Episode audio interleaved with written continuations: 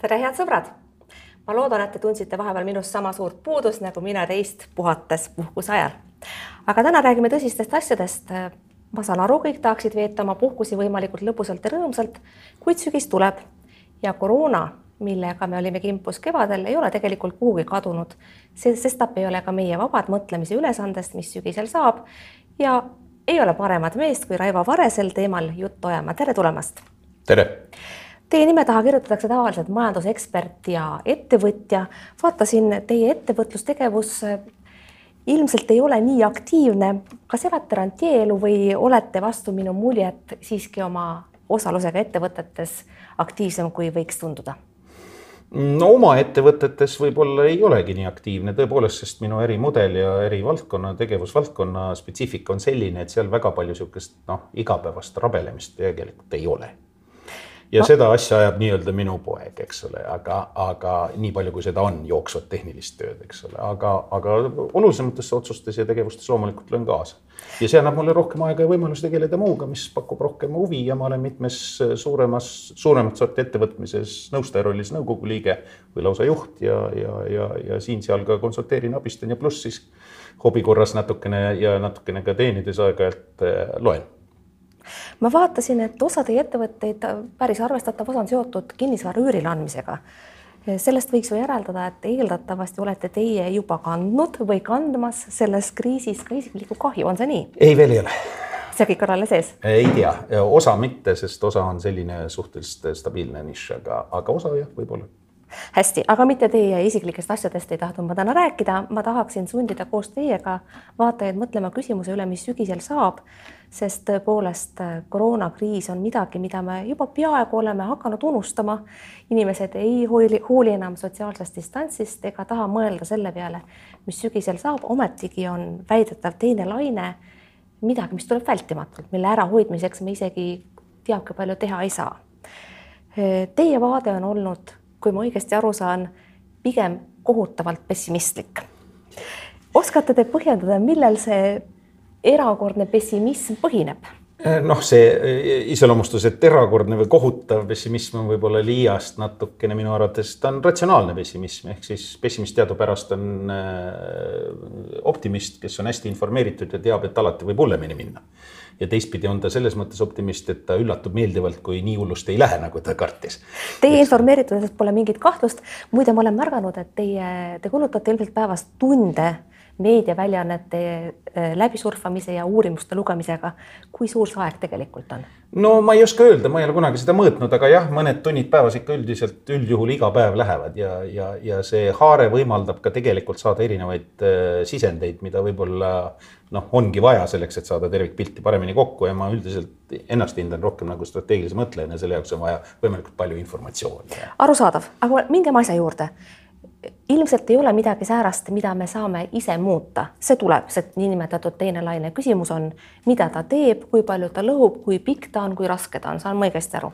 no põhimõtteliselt jah, alustame sellest, et tegelikult äh, see ootus, teise laine ootus põhineb ju tegelikult erialaekspertide ehk siis selle valdkonnaga loeme virusoloogiaga, just mitte meditsiiniga üldiselt, vaid just nimelt virusoloogiaga ja viiruste ajalooga ja, ja, ja kõige selle nii-öelda sisuga kokku puutunud inimeste arvamusel ajalugu muuseas vahemärkusena olgu öeldud, et viimane kord sada aastat tagasi nõndanimetatud Hispaania gripp, mis tegelikult pärines Kansase linnast USA-st muuseas.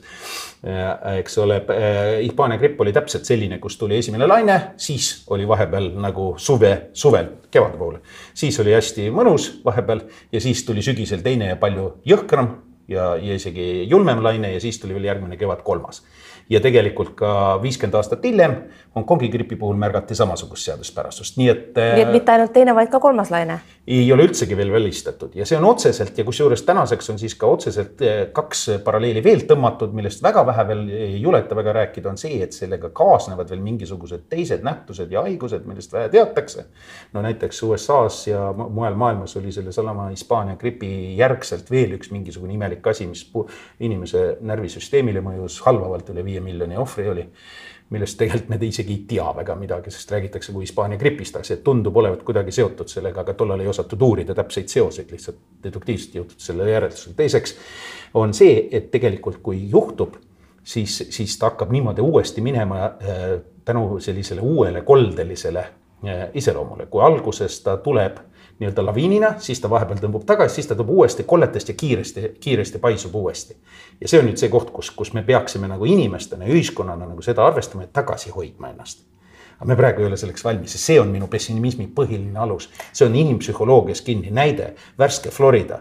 Florida osariik, mis on ju tegelikult noh, suur osariik küll, aga iseenesest suhteliselt väike ikkagi suure Ühendriikide proportsiooni suhtes ja Ühendriigid teevad iga päev, teame, nakatumisrekordeid. Siis Floridas nakatus ühe päevaga terve veerand Ühendriikide massiivist. miks? puhkuste hooaeg, ilus ilm, rahvas, eks ole, puhkab ja ei järgi mitte midagi ega mitte kuidagi. no aga see on ju tegelikult inimesele loomumane, kas pole, ta ei suuda väga pikalt elada rangetes tingimustes, ta tahab tarbida, ta tahab lõbutseda, ta tahab reisida, maailma näha ja sellepärast eksivad minu meelest kõik need, kes ütlevad, kõik maailm muutub, meie ise muutume kardinaalselt, mitte miski ei jää selliseks, nagu ta oli. kuidas ta siis ei jää, inimese loomus ju ei muutu, kasvõi seesama, mis praegu toimub ja mida teie kirjeldate, on näide sellest, et inimloomus jääb selleks samaks, mis ta on, tahab lõbutseda, tarbida, reisida, vaheldust ja kõike nii edasi. no tuleb välja, et te olete samuti pessimist sellisel juhul, sest te arvate, et inimene ei muutu. ma arvan sedasama ja tegelikult see dilemma, mis nüüd hakkab tekkima ühiskondades ja tegelikult ka poliitikute ette, on ju tegelikult äh, võrdlev hind, inimelu potentsiaalse kaotuse võrdlev hind võrreldes majandusliku toimetulekuga. ja see, see on küsimus... väga karm, väga karm, ma kirjutasin sellest suvises edasi orgnumbris sellest, sellest dilemmast, mis inimeste ees seisab ja täpselt see tegelikult täna on ka, mitte midagi teha ei ole. ta oli ju hetk tagasi ka kevadel, aga kevadel esimene kord oli seda lihtne lahendada, sellepärast et mindi kohe nii-öelda suhteliselt jõuliselt ja piirangutega peale ja need olid ikka vägagi paiguti drakoonilised mõnedes ühiskondades ja võib-olla ka veel ei olnud kogu see asi nii-öelda masinavärk käima saanud.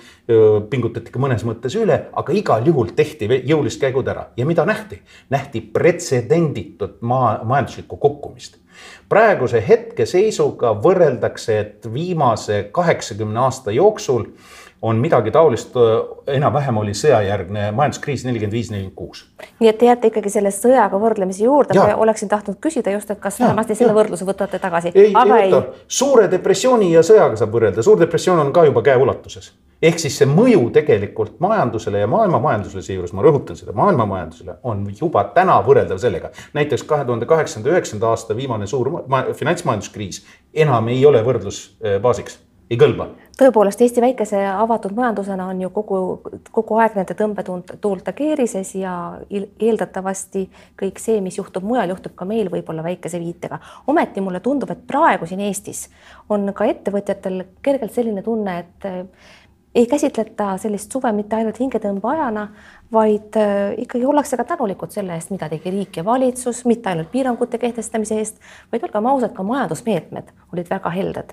mulle tundub kohati, et äh, raha kulutati küll kohutavalt palju, aga kas viimati ainult suurt häda edasi lükatud, kuidas teile tundub? Äh, noh, ega tegelikult esimese raundi meetmed ei saanudki teistsugused olla ma, ma, ma võin alati argumenteerida, et midagi tehti viltu ja puusalt tulistades üldiselt väga täpselt märki tabada on suhteliselt keeruline, isegi kui valangutega lasta. nii et selles mõttes eh, ei saa nüüd öelda, et kõik oli ideaalselt, aga üldiselt suhteliselt kiire reaktsioon oli paljude teiste riikidega võrreldes suhteliselt kiire reaktsioon. enam-vähem esimese paugu jaoks okei okay.. nüüd probleem ongi mitte selles, et esimene pauk väga palju pihta või mööda läks, enam-vähem toimis väikses ühiskonnas ja suhteliselt veel hästi ja olgem ausad, natuke meid aitas ka see, et teised ehmatasid mitte vähem ja panid ennast kinni ja aitasid meidki sellega, eks ole, mõneti. aga mis on halb uudis, on see, et me tegime ka vigu nähtavaid, noh, klassikaline näide Saaremaa võrkpall, eks ole. aga, aga nüüd ei ole enam ainult selles küsimus. nimelt küsimus koosneb kahest osast üks on see, mida te tahate küsida, mida teha teise lainega seoses. aga teine teema, no mis edasi saab ja ma, vot see on nüüd see küsimus, millega tuleb samuti tegeleda ja kui ma nüüd õieti tõlgendan selle äh, minister Siemi äh, väidet, siis nad natukene tahavad oma asjatundjate komisjonis ka sellele mõelda. kas Milles teil on, on praegu, kas teil on praegu selline tunne, et Eesti valitsusel on kindel plaan olemas või kui tal ei, ei. ole, kas ta siis vähemasti mõistab tarvidust, et selline plaan olema no ma peaks? tahaks õudselt optimist nüüd olla, eks ole, oma üldise pessimismi, pessimismi tasandil. saa olla päris kindel? ma ei saa praegu kindel olla, aga noh, ma ütlen, et sõnadest nagu võib välja lugeda, et ollakse valmis mõtlema mitte ainult selleks, et noh, teeme varusid teiseks laineks, eks ole. valmistame ette mingisugused, mingisugused regulatiivsed nii-öelda, kuidas nüüd öelda, toorikud, eks ole, et kõik on nagu noh, valmis, et kui kriis tuleb, eks ole, noh, kriis tuleb, siis oleme kiiresti võimelised lokaliseerima neid koldeid, punkt üks. punkt kaks, oleme võimelised ka vajadusel laiemaid karmimaid piiranguid sisse viima, pluss siis varustama rahvast ka paljude asjadega, no näiteks algetapil suur probleem oli, et meil selgus, et varusid ei ole. ja sellest oli tingitud terve rida pragmaatilisi kuid vägagi jõhkraid oma olemuselt otsuseid, näiteks kaitsevahendite puuduse tõttu tehti ju väga palju otsuseid seoses meditsiinisüsteemi üleval hoidmise vajadusega. ja, aga ma tahaksin teiega ikka, teid ikkagi tagasi juhtida sinna majanduse juurde, et eeldatavasti selle maskide ja kõikide selliste meditsiiniliste meetmetega ollakse teinekord targem, ma usun, et sellest ja, on õpitud. aga mida, milles ma kahtlen, on pikaajaline majanduslik plaan ja arusaamine sellest, eh, missugune saatus ootab Eestit just nimelt selle avatud väikese majandusena maailma majanduse suure depressiooni number kaks keerises. jah, väga õige ja nüüd, kuna nüüd on selge, et see on vähemalt topelt veekujuline kriis ja ta kestab kauem. tõenäoliselt, ütleme niimoodi, ei ole selge, on tõenäoline, ehk siis teine laine tuleb ja see pikendab oluliselt ka kriisist väljatuleku aega ja koos sellega pikendab ka tegelikult seda perioodi, mis on hästi raske üle elada. kaks kuud on võimalik ajutiste meetmetega üle elada, piltlikult öeldes maksta kakssada miljonit palkade toetuseks, anda siit-sealt veel natukene ja elatakse kaks kuud üle. Aga näiteks on OECD teinud äh, uuringu, rahvusvahelise uuringu firmade äh, vastupanuvõimele, äh, kui kriis jääb venima, ehk siis tuleb teine laine ja, ja siis see kriis jääb palju rohkem veel venima ja praeguse seisuga, kui teine laine tuleb, siis kriis jääb venima kahe tuhande kahekümne teise aasta lõpuni vähemalt. siis sellisel juhul tuli välja, et umbes kümne kuuga on rohkem kui pooltel, peaaegu kuuskümmend protsenti firmadest on käpuli. tehniliselt käpuli ka siis, kui neile makstakse ainult palgatoetust näiteks. no aga kas ei märganud me ka Eestis, et tegelikult firmad kuulutasid ennast käpuli olevaks juba paari päevaga või, või paar päeva on liialdus, aga paari nädalaga, sellepärast et riigi käest toetusraha saada? no olgem ausad, see on nüüd see koht, kus, kus tegelikult noh, noh, on küll inetu, eks ole, aga tuleb ikka ausalt öelda, et, et see oli ka võimalus, eks ole, elada kergemini üle ja kui nii lahkelt pakuti, siis sellest kinnihaaramine oli mõneti ka loogiline käik. kui nüüd ei kuritarvitatud päris inetul viisil, nagu nüüd prokuratuur mõnda grupilist tegevust uurib. aga ma arvan, et mina räägin millestki muust, ma räägin sellest, et on vaja järgmist etappi meetmeid, vot see on nüüd see koht, see on nüüd see, kuidas hoida üleval mitte ainult firmasid endid, vaid jätta neile ka võimalus toetada nende investeerimistegevust, toetada nende arengut ja õigesti toetada. jällegi seesama, vot seal on see teema, kellele, sest kui seesama teema tekib, et jälle jagame nii-öelda helikopteri loogika järgi, siis kindlasti leidub neid, kes hüppavad kõrgemale ja kahmavad endale rohkem, kuigi neil ei oleks seda isegi vaja. aga ikkagi minu meelest kumab ka teie jutust läbi see teatav riigiusk toetada, eks ole, peaks, riik peab midagi tegema, meetmed peavad olema, aga kuhu jääb siis vaba turg? ei no vaba turg ei saa ju toimida olukorras, kus vabaturu tingimusi ei ole. selles mõttes on selle kriisi eripära, millest mina, minu meelest kõige jaburam on, et me ei taha nagu endale teadvustada, et see ei ole tavaline majanduskriis ma ei ole riigi usku. tema põhjused ei ole, no ma, ma see eeldan, kinnipanek, kinnipanek, hetkeline kinnipanek või, või mingisuguste kriteeriumide alusel kinnikeeramine administratiivsete vahenditega ei võimalda ju vabal turul olemuslikult toimida. vaba turg saab toimida siis, kui teda ei piirata administratiivse vahenditega, mis on, mis on valikulised ja see on nüüd see koht, kus tegelikult sajaprotsendilist turg ei hakka toimima. Ja ka eelmiste suurte kriiside puhul ei toiminud vabaturg, midagi ei ole teha. kriiside lahendamisse kaasati riiklikku ressurssi, seda tuleb targalt teha. Ja nüüd, kus riik saab aidata? Ja seda on tegelikult ka teada, mida ta teeb. mitte ei peaks ta nii palju maksma raha peo peale, vaid ta peaks toetama tegevusi, mis võimaldaksid minna edasi Need on kaks ise, ise filosoofiat. aga kuidas, millel peaks põhinema see riigi otsustusvõime selles suhtes, missugune on ettevõtete tervis, sest noh, ka mulle tundub praegu, et toetusi on saanud ettevõtted, keda kriis mis iganes kujul ta ka ei tuleks või ei oleks tulnud, oleks löönud nii või teisiti ja see ärimudel juba nii või teisiti ei olnud jätkusuutlik. et missugune peaks olema riigi võimekus otsustada konkreetsete ettevõtete potentsiaali ja jätkusuutlikkuse võimekuse no, üle? see ei ole nii, et kõik peaks olema ainult konkreetsete ettevõtete kaupa, osa on ka haruti. no tegelikult praegu nagu e-, e-, ekspertiis ütleb, et tegelikult on nagu kolm suunda selles suhtes. esimene osa on seotud investeeringute toetustega ja see on nagu selline suhteliselt individualistlik lähenemine peab olema nagu personaalne firmadele, aga samas peab olema ka lähtuma mingitest kriteeriumitest. aga samas ta on hädavajalik, sest muuseas praeguste prognooside järgi otseinvesteeringute hulk maailmas sel aastal kukub vähemalt nelikümmend protsenti, piirkonniti ka rohkem, näiteks Ladina-Ameerika kukub täiesti põhja. ja, ja sellest väljatulek eeldab, et noh, investeeringut soodustatakse, see on üks riikliku tegevuse vorm, muuseas makropoliitiline nii-öelda klassika, et soodustatakse investeeringuid ja nüüd kriisisituatsioonis need soodustusmehhanismid ja mängureeglid peaksid olema natuke teistsugused kui tavalises olukorras ja isegi tavalise majandustsüklilise majanduskriisi puhul, sest see praegu no, ei olnud. põhimõtteliselt ma ei kahtlustanudki neid riigiususid, lihtsalt püüdsin teid provotseerida. nii, see on üks, see on nüüd investeeringud, eks ole. teine teema on, on olemas teatud harud, kus on see administratiivsetest mängureeglitest ja piirangutest tulenev turu kokkukukkumine ületab igasuguse kriitilise vastupanuvõime harupõhiselt lausa. noh, klassikaline näide, lennundusturism. seal tõenäoliselt nii-öelda tavapärased meetmed lihtsalt ei ole piisavad, sest noh, turgu lihtsalt ei ole millal võiks loota selle turu taastumist? kogu kriisi juures ongi kõige hullem see, et äh, Tallinnast läheb praegu ainult, täna ma vaatasin seitse lendu, aga olid ka päevad, kus me mäletame, mitte ühtegi ei läinud, et maailm on muutunud kuidagi järsku väga palju suuremaks, aga jällegi mina paadunud optimistina usun, see ei jää nii. küsimus on, kaua see aega võtab, küsin teie käest, kaua võtab aega võtab ta praeguse seisuga, tundub, et kahekümne teise aasta lõpuni, kui eeldada, et teine laine tuleb, siis äh, kiiremini tõenäoliselt ei pääse. kuigi hetkeprognoosid, mida nagu jälgitakse, siis need eeldavad heauskselt, et siiski piirdutakse ühe lainega ja õnnestub lokaliseerida teise laine ilminguid nii-öelda, ilma et nad oleks nii-öelda kõikehõlmavaid piiranguid tingivad ja see tähendab, et see võtaks aega kahekümne teise aasta lõpuni, kahekümnenda aasta lõpuni suur kukkumine, kahekümne esimesel aastal väikene taastumine, kahekümne teisel aastal, kahekümne tei-, kahekümne esimesel aastal, kahekümne teisel aastal siis hakatakse või hakata jõudma järgmisele tasandile. ma tahaksin lehvitada seda, sest seda näha ei ole võimalik, aga mul on siin analüüs, mis näitab, et ja neid on siin mitmeid erinevaid siin äh, aspekte nendes analüüsides, mis näitavad, et tegelikult ühe kukkumise, ühe, ühe laine puhul kukkumine jõuab tagasi kahekümne teisel aastal äh, kriisieelsele tasemele millalgi täpselt ei oska keegi täna öelda ja kui teine laine peaks tulema, mida me siin eeldame, siis see tegelikult veel ka kahekümne teisel aastal ei jõua. kahekümne esimese aasta lõpuks on veel miinus neli protsenti võrreldes selle prognoosi, praeguse prognoosi järgi võrreldes kriisieelse tasemega, nii et me oleme tegelikult ikkagi sellises väga sügavas augus. ja see on veel optimistlik, eks ole, kui tuleb veel kolmas laine nagu eelmiste pandeemiate suurte puhul kaks korda sajandi jooksul on juhtunud, siis on veel hullem see pilt, nii et. nii et me oleme tegelikult suhteliselt keerulises olukorras, nii et nüüd, kuhu me jõuame, ma tahan jõuda selle kahe ülejäänud poliitika juurde kaks ülejäänud poliitikat on veel seotud siis varudega ehk siis vastupanuvõime kindlustamisega, mis on siis, hõlmab ka ettevõtteid osaliselt. mis muuseas on ka ettevõtluse toetusmeede, nagu me teame, toetatakse ka selle kaudu, et lastakse eestlastel teha neid maske, mitte ei osteta praak Hiinat, eks ole või midagi muud. ja noh, kolmas asi on muidugi see või, või neljas asi on tegelikult see, et kuidas nüüd panna nüüd see ettevõtluse eh, toimimine teatud harudes lihtsalt ellu jääma. lennundus, üks näide turism, eks ole. teine näide, kui me ütleme, et, et on üheksakümmend protsenti on kukkunud, kui me ütleme, et näiteks Araabia riikide lennufirmade tippjuhtkond sai siin mõni aeg tagasi kokku aga need on maailma parimad lennundusajad üldse, sest nad suudavad maksta neile kõige paremat raha, eks ole, palju paremat kui eurooplased või ameeriklased.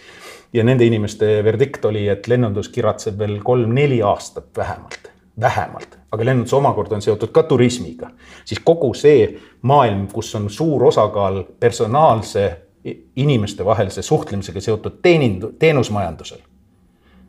see ei ole, eks ole, IT-põhine, kus sa saad, eks ole, suhelda robotiga või ekraani kaudu, vaid see on see, kus me teiega nii-öelda suhtleme otseselt, piltlikult öeldes, noh, kõige lihtsam näide restoran. restoranis eenestamine äh, kõik see on noh, no näiteks ameeriklased ütlevad, et neil läheb kinni, eks ole, kuskil kuuskümmend protsenti restoranidest, kui niimoodi edasi läheb.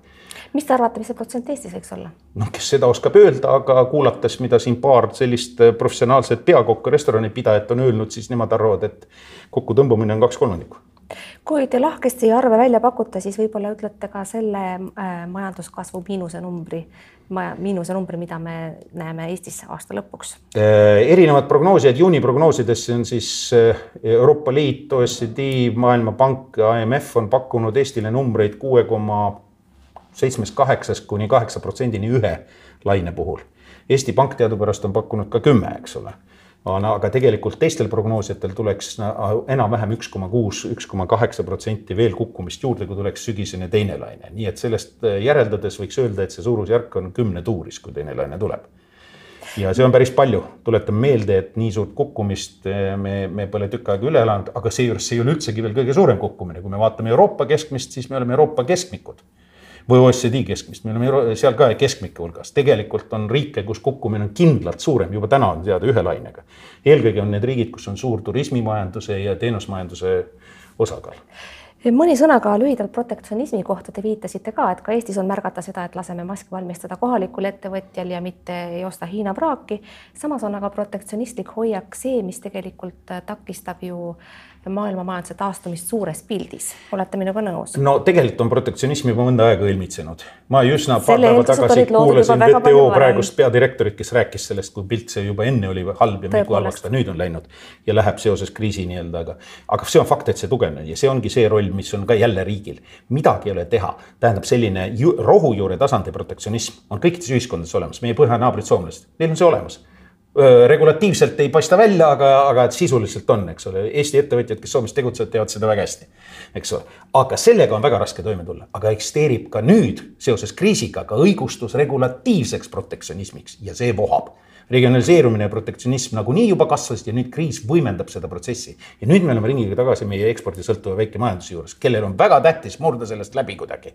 ja siin midagi ei ole teha, nüüd uues olukorras riigi roll hoopis kasvab ma ei ole riigiusku, aga ilma, ma olen ise seda kogenud, seda tööd ise teinud, ma tean, et muidu on see tähtis, aga sellises olukorras veel tähtsam, et need pagunitega nii-öelda ehk siis piltlikult öeldes eh, riigi esindajad ja kõrged seejuures esindajad võtavad oma südameasjaks murda läbi neid igasuguseid mängureegleid, mis on teiste riikide poolt kehtestatud meie eksportööridele Teie teadmiste kursisoleku ja valmiduse juures tegelikult asju mõtestada, analüüsida ja ka paremaks teha, tekib äh, tahtmatult küsimus, kui palju valitsuse liikmed on teie käest nõu küsinud või teinud näiteks ettepanekuid teile osaleda selles teises, kolmandas komisjonis, võtta sõna, anda nõu?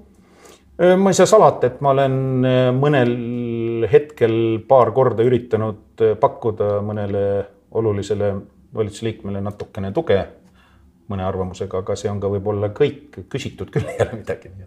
aga kas see, mida te olete ise omalt poolt pakkunud, on seda mõistetud, tarvitatud? jah, algetapil, kus, kus, kus me veel kõhklesime sulgemismängureeglite üle, siis noh, toetudes eelkõige sellele informatsioonile, mis massiivselt hakkas laekuma mujalt välismaalt, siis, siis sai nagu ennustatud ja soovitatud teha mõningaid liigutusi, mida mingil määral ka ka tehti, aga ma ei väida, et minu pärast, vaid pigem see oli juba elu sundis peale, aga noh, ma olin vist üks esimesi, kes hakkas sellest rääkima lihtsalt teie sõnavõtte jälgides on mul alati tekkinud küsimus, äh, miks ei ole te ikkagi naasnud tegevpoliitikasse? vanus lubaks, teadmised lubaks, ärge ütlete, ärge öelge, et pole kutsutud, kindlasti on.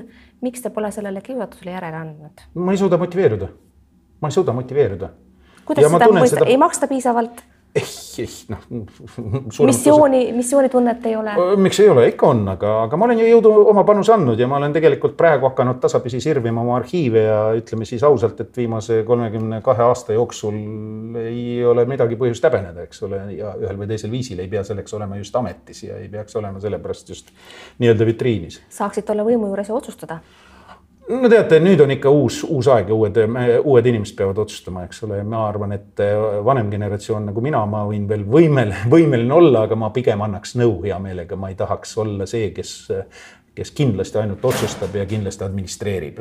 Teie vanuseid mehi on nii valitsuses kui ka Riigikogus hea mitu. noh, aga üks, üks valitsuse prominentne liige ju praegu just ütles, et ma olen küll heas vormis, aga ma enam ei taha, eks ole, parteid juhtida, nii et nii et tegelikult, eh, kui me näeme selle taga nagu sihukest mitte ainult poliitilist intriigi, vaid ka teatud eh, seitsmekümne aastase mehe elutarkust, siis minule see täitsa on arusaadav. Teil on sinna peaaegu terve kümnend veel minna. no seda küll, aga ei, ma olen väga rahul, sellepärast et ma kujutan ette, et praegu ma suudan anda eh, ka ilma, et ma peaks ametis olema ja see on väga õige aga kui presidendist kandideerimise ettepanek tehakse, sest vähemasti üks kord on see teile tehtud, miks see võiks uuesti juhtuda? no aga teie näete, et tegelikult presidendi valimise korda ju ei tahetudki muuta, räägiti, kui palju räägiti, eks ole, eelmine patiseis nüüd juba riigiõiguslase juristina, endise professionaalina selles vallas võin öelda, et, et, et natukene nagu seda ka üritasin lobeerida, eks ole, seda muudatust ei tehtud ja, ja nüüd on juba nagu öeldakse ka hilja, läheb kõik vana reega edasi ja see amet on selgelt parteipoliitilise jagamise koht, aga mitte midagi muud. ja nüüd on veel rohkem kui enne isegi kahjuks on teil õigus, nagu alati, nagu enamasti. Raivo Vara, aitäh, et tulite stuudiosse, head aitäh. sõbrad, aitäh, et te vaatasite, vaadake teinekord ikka jälle, olge terved, mingu teil hästi, nägemiseni, kuulmiseni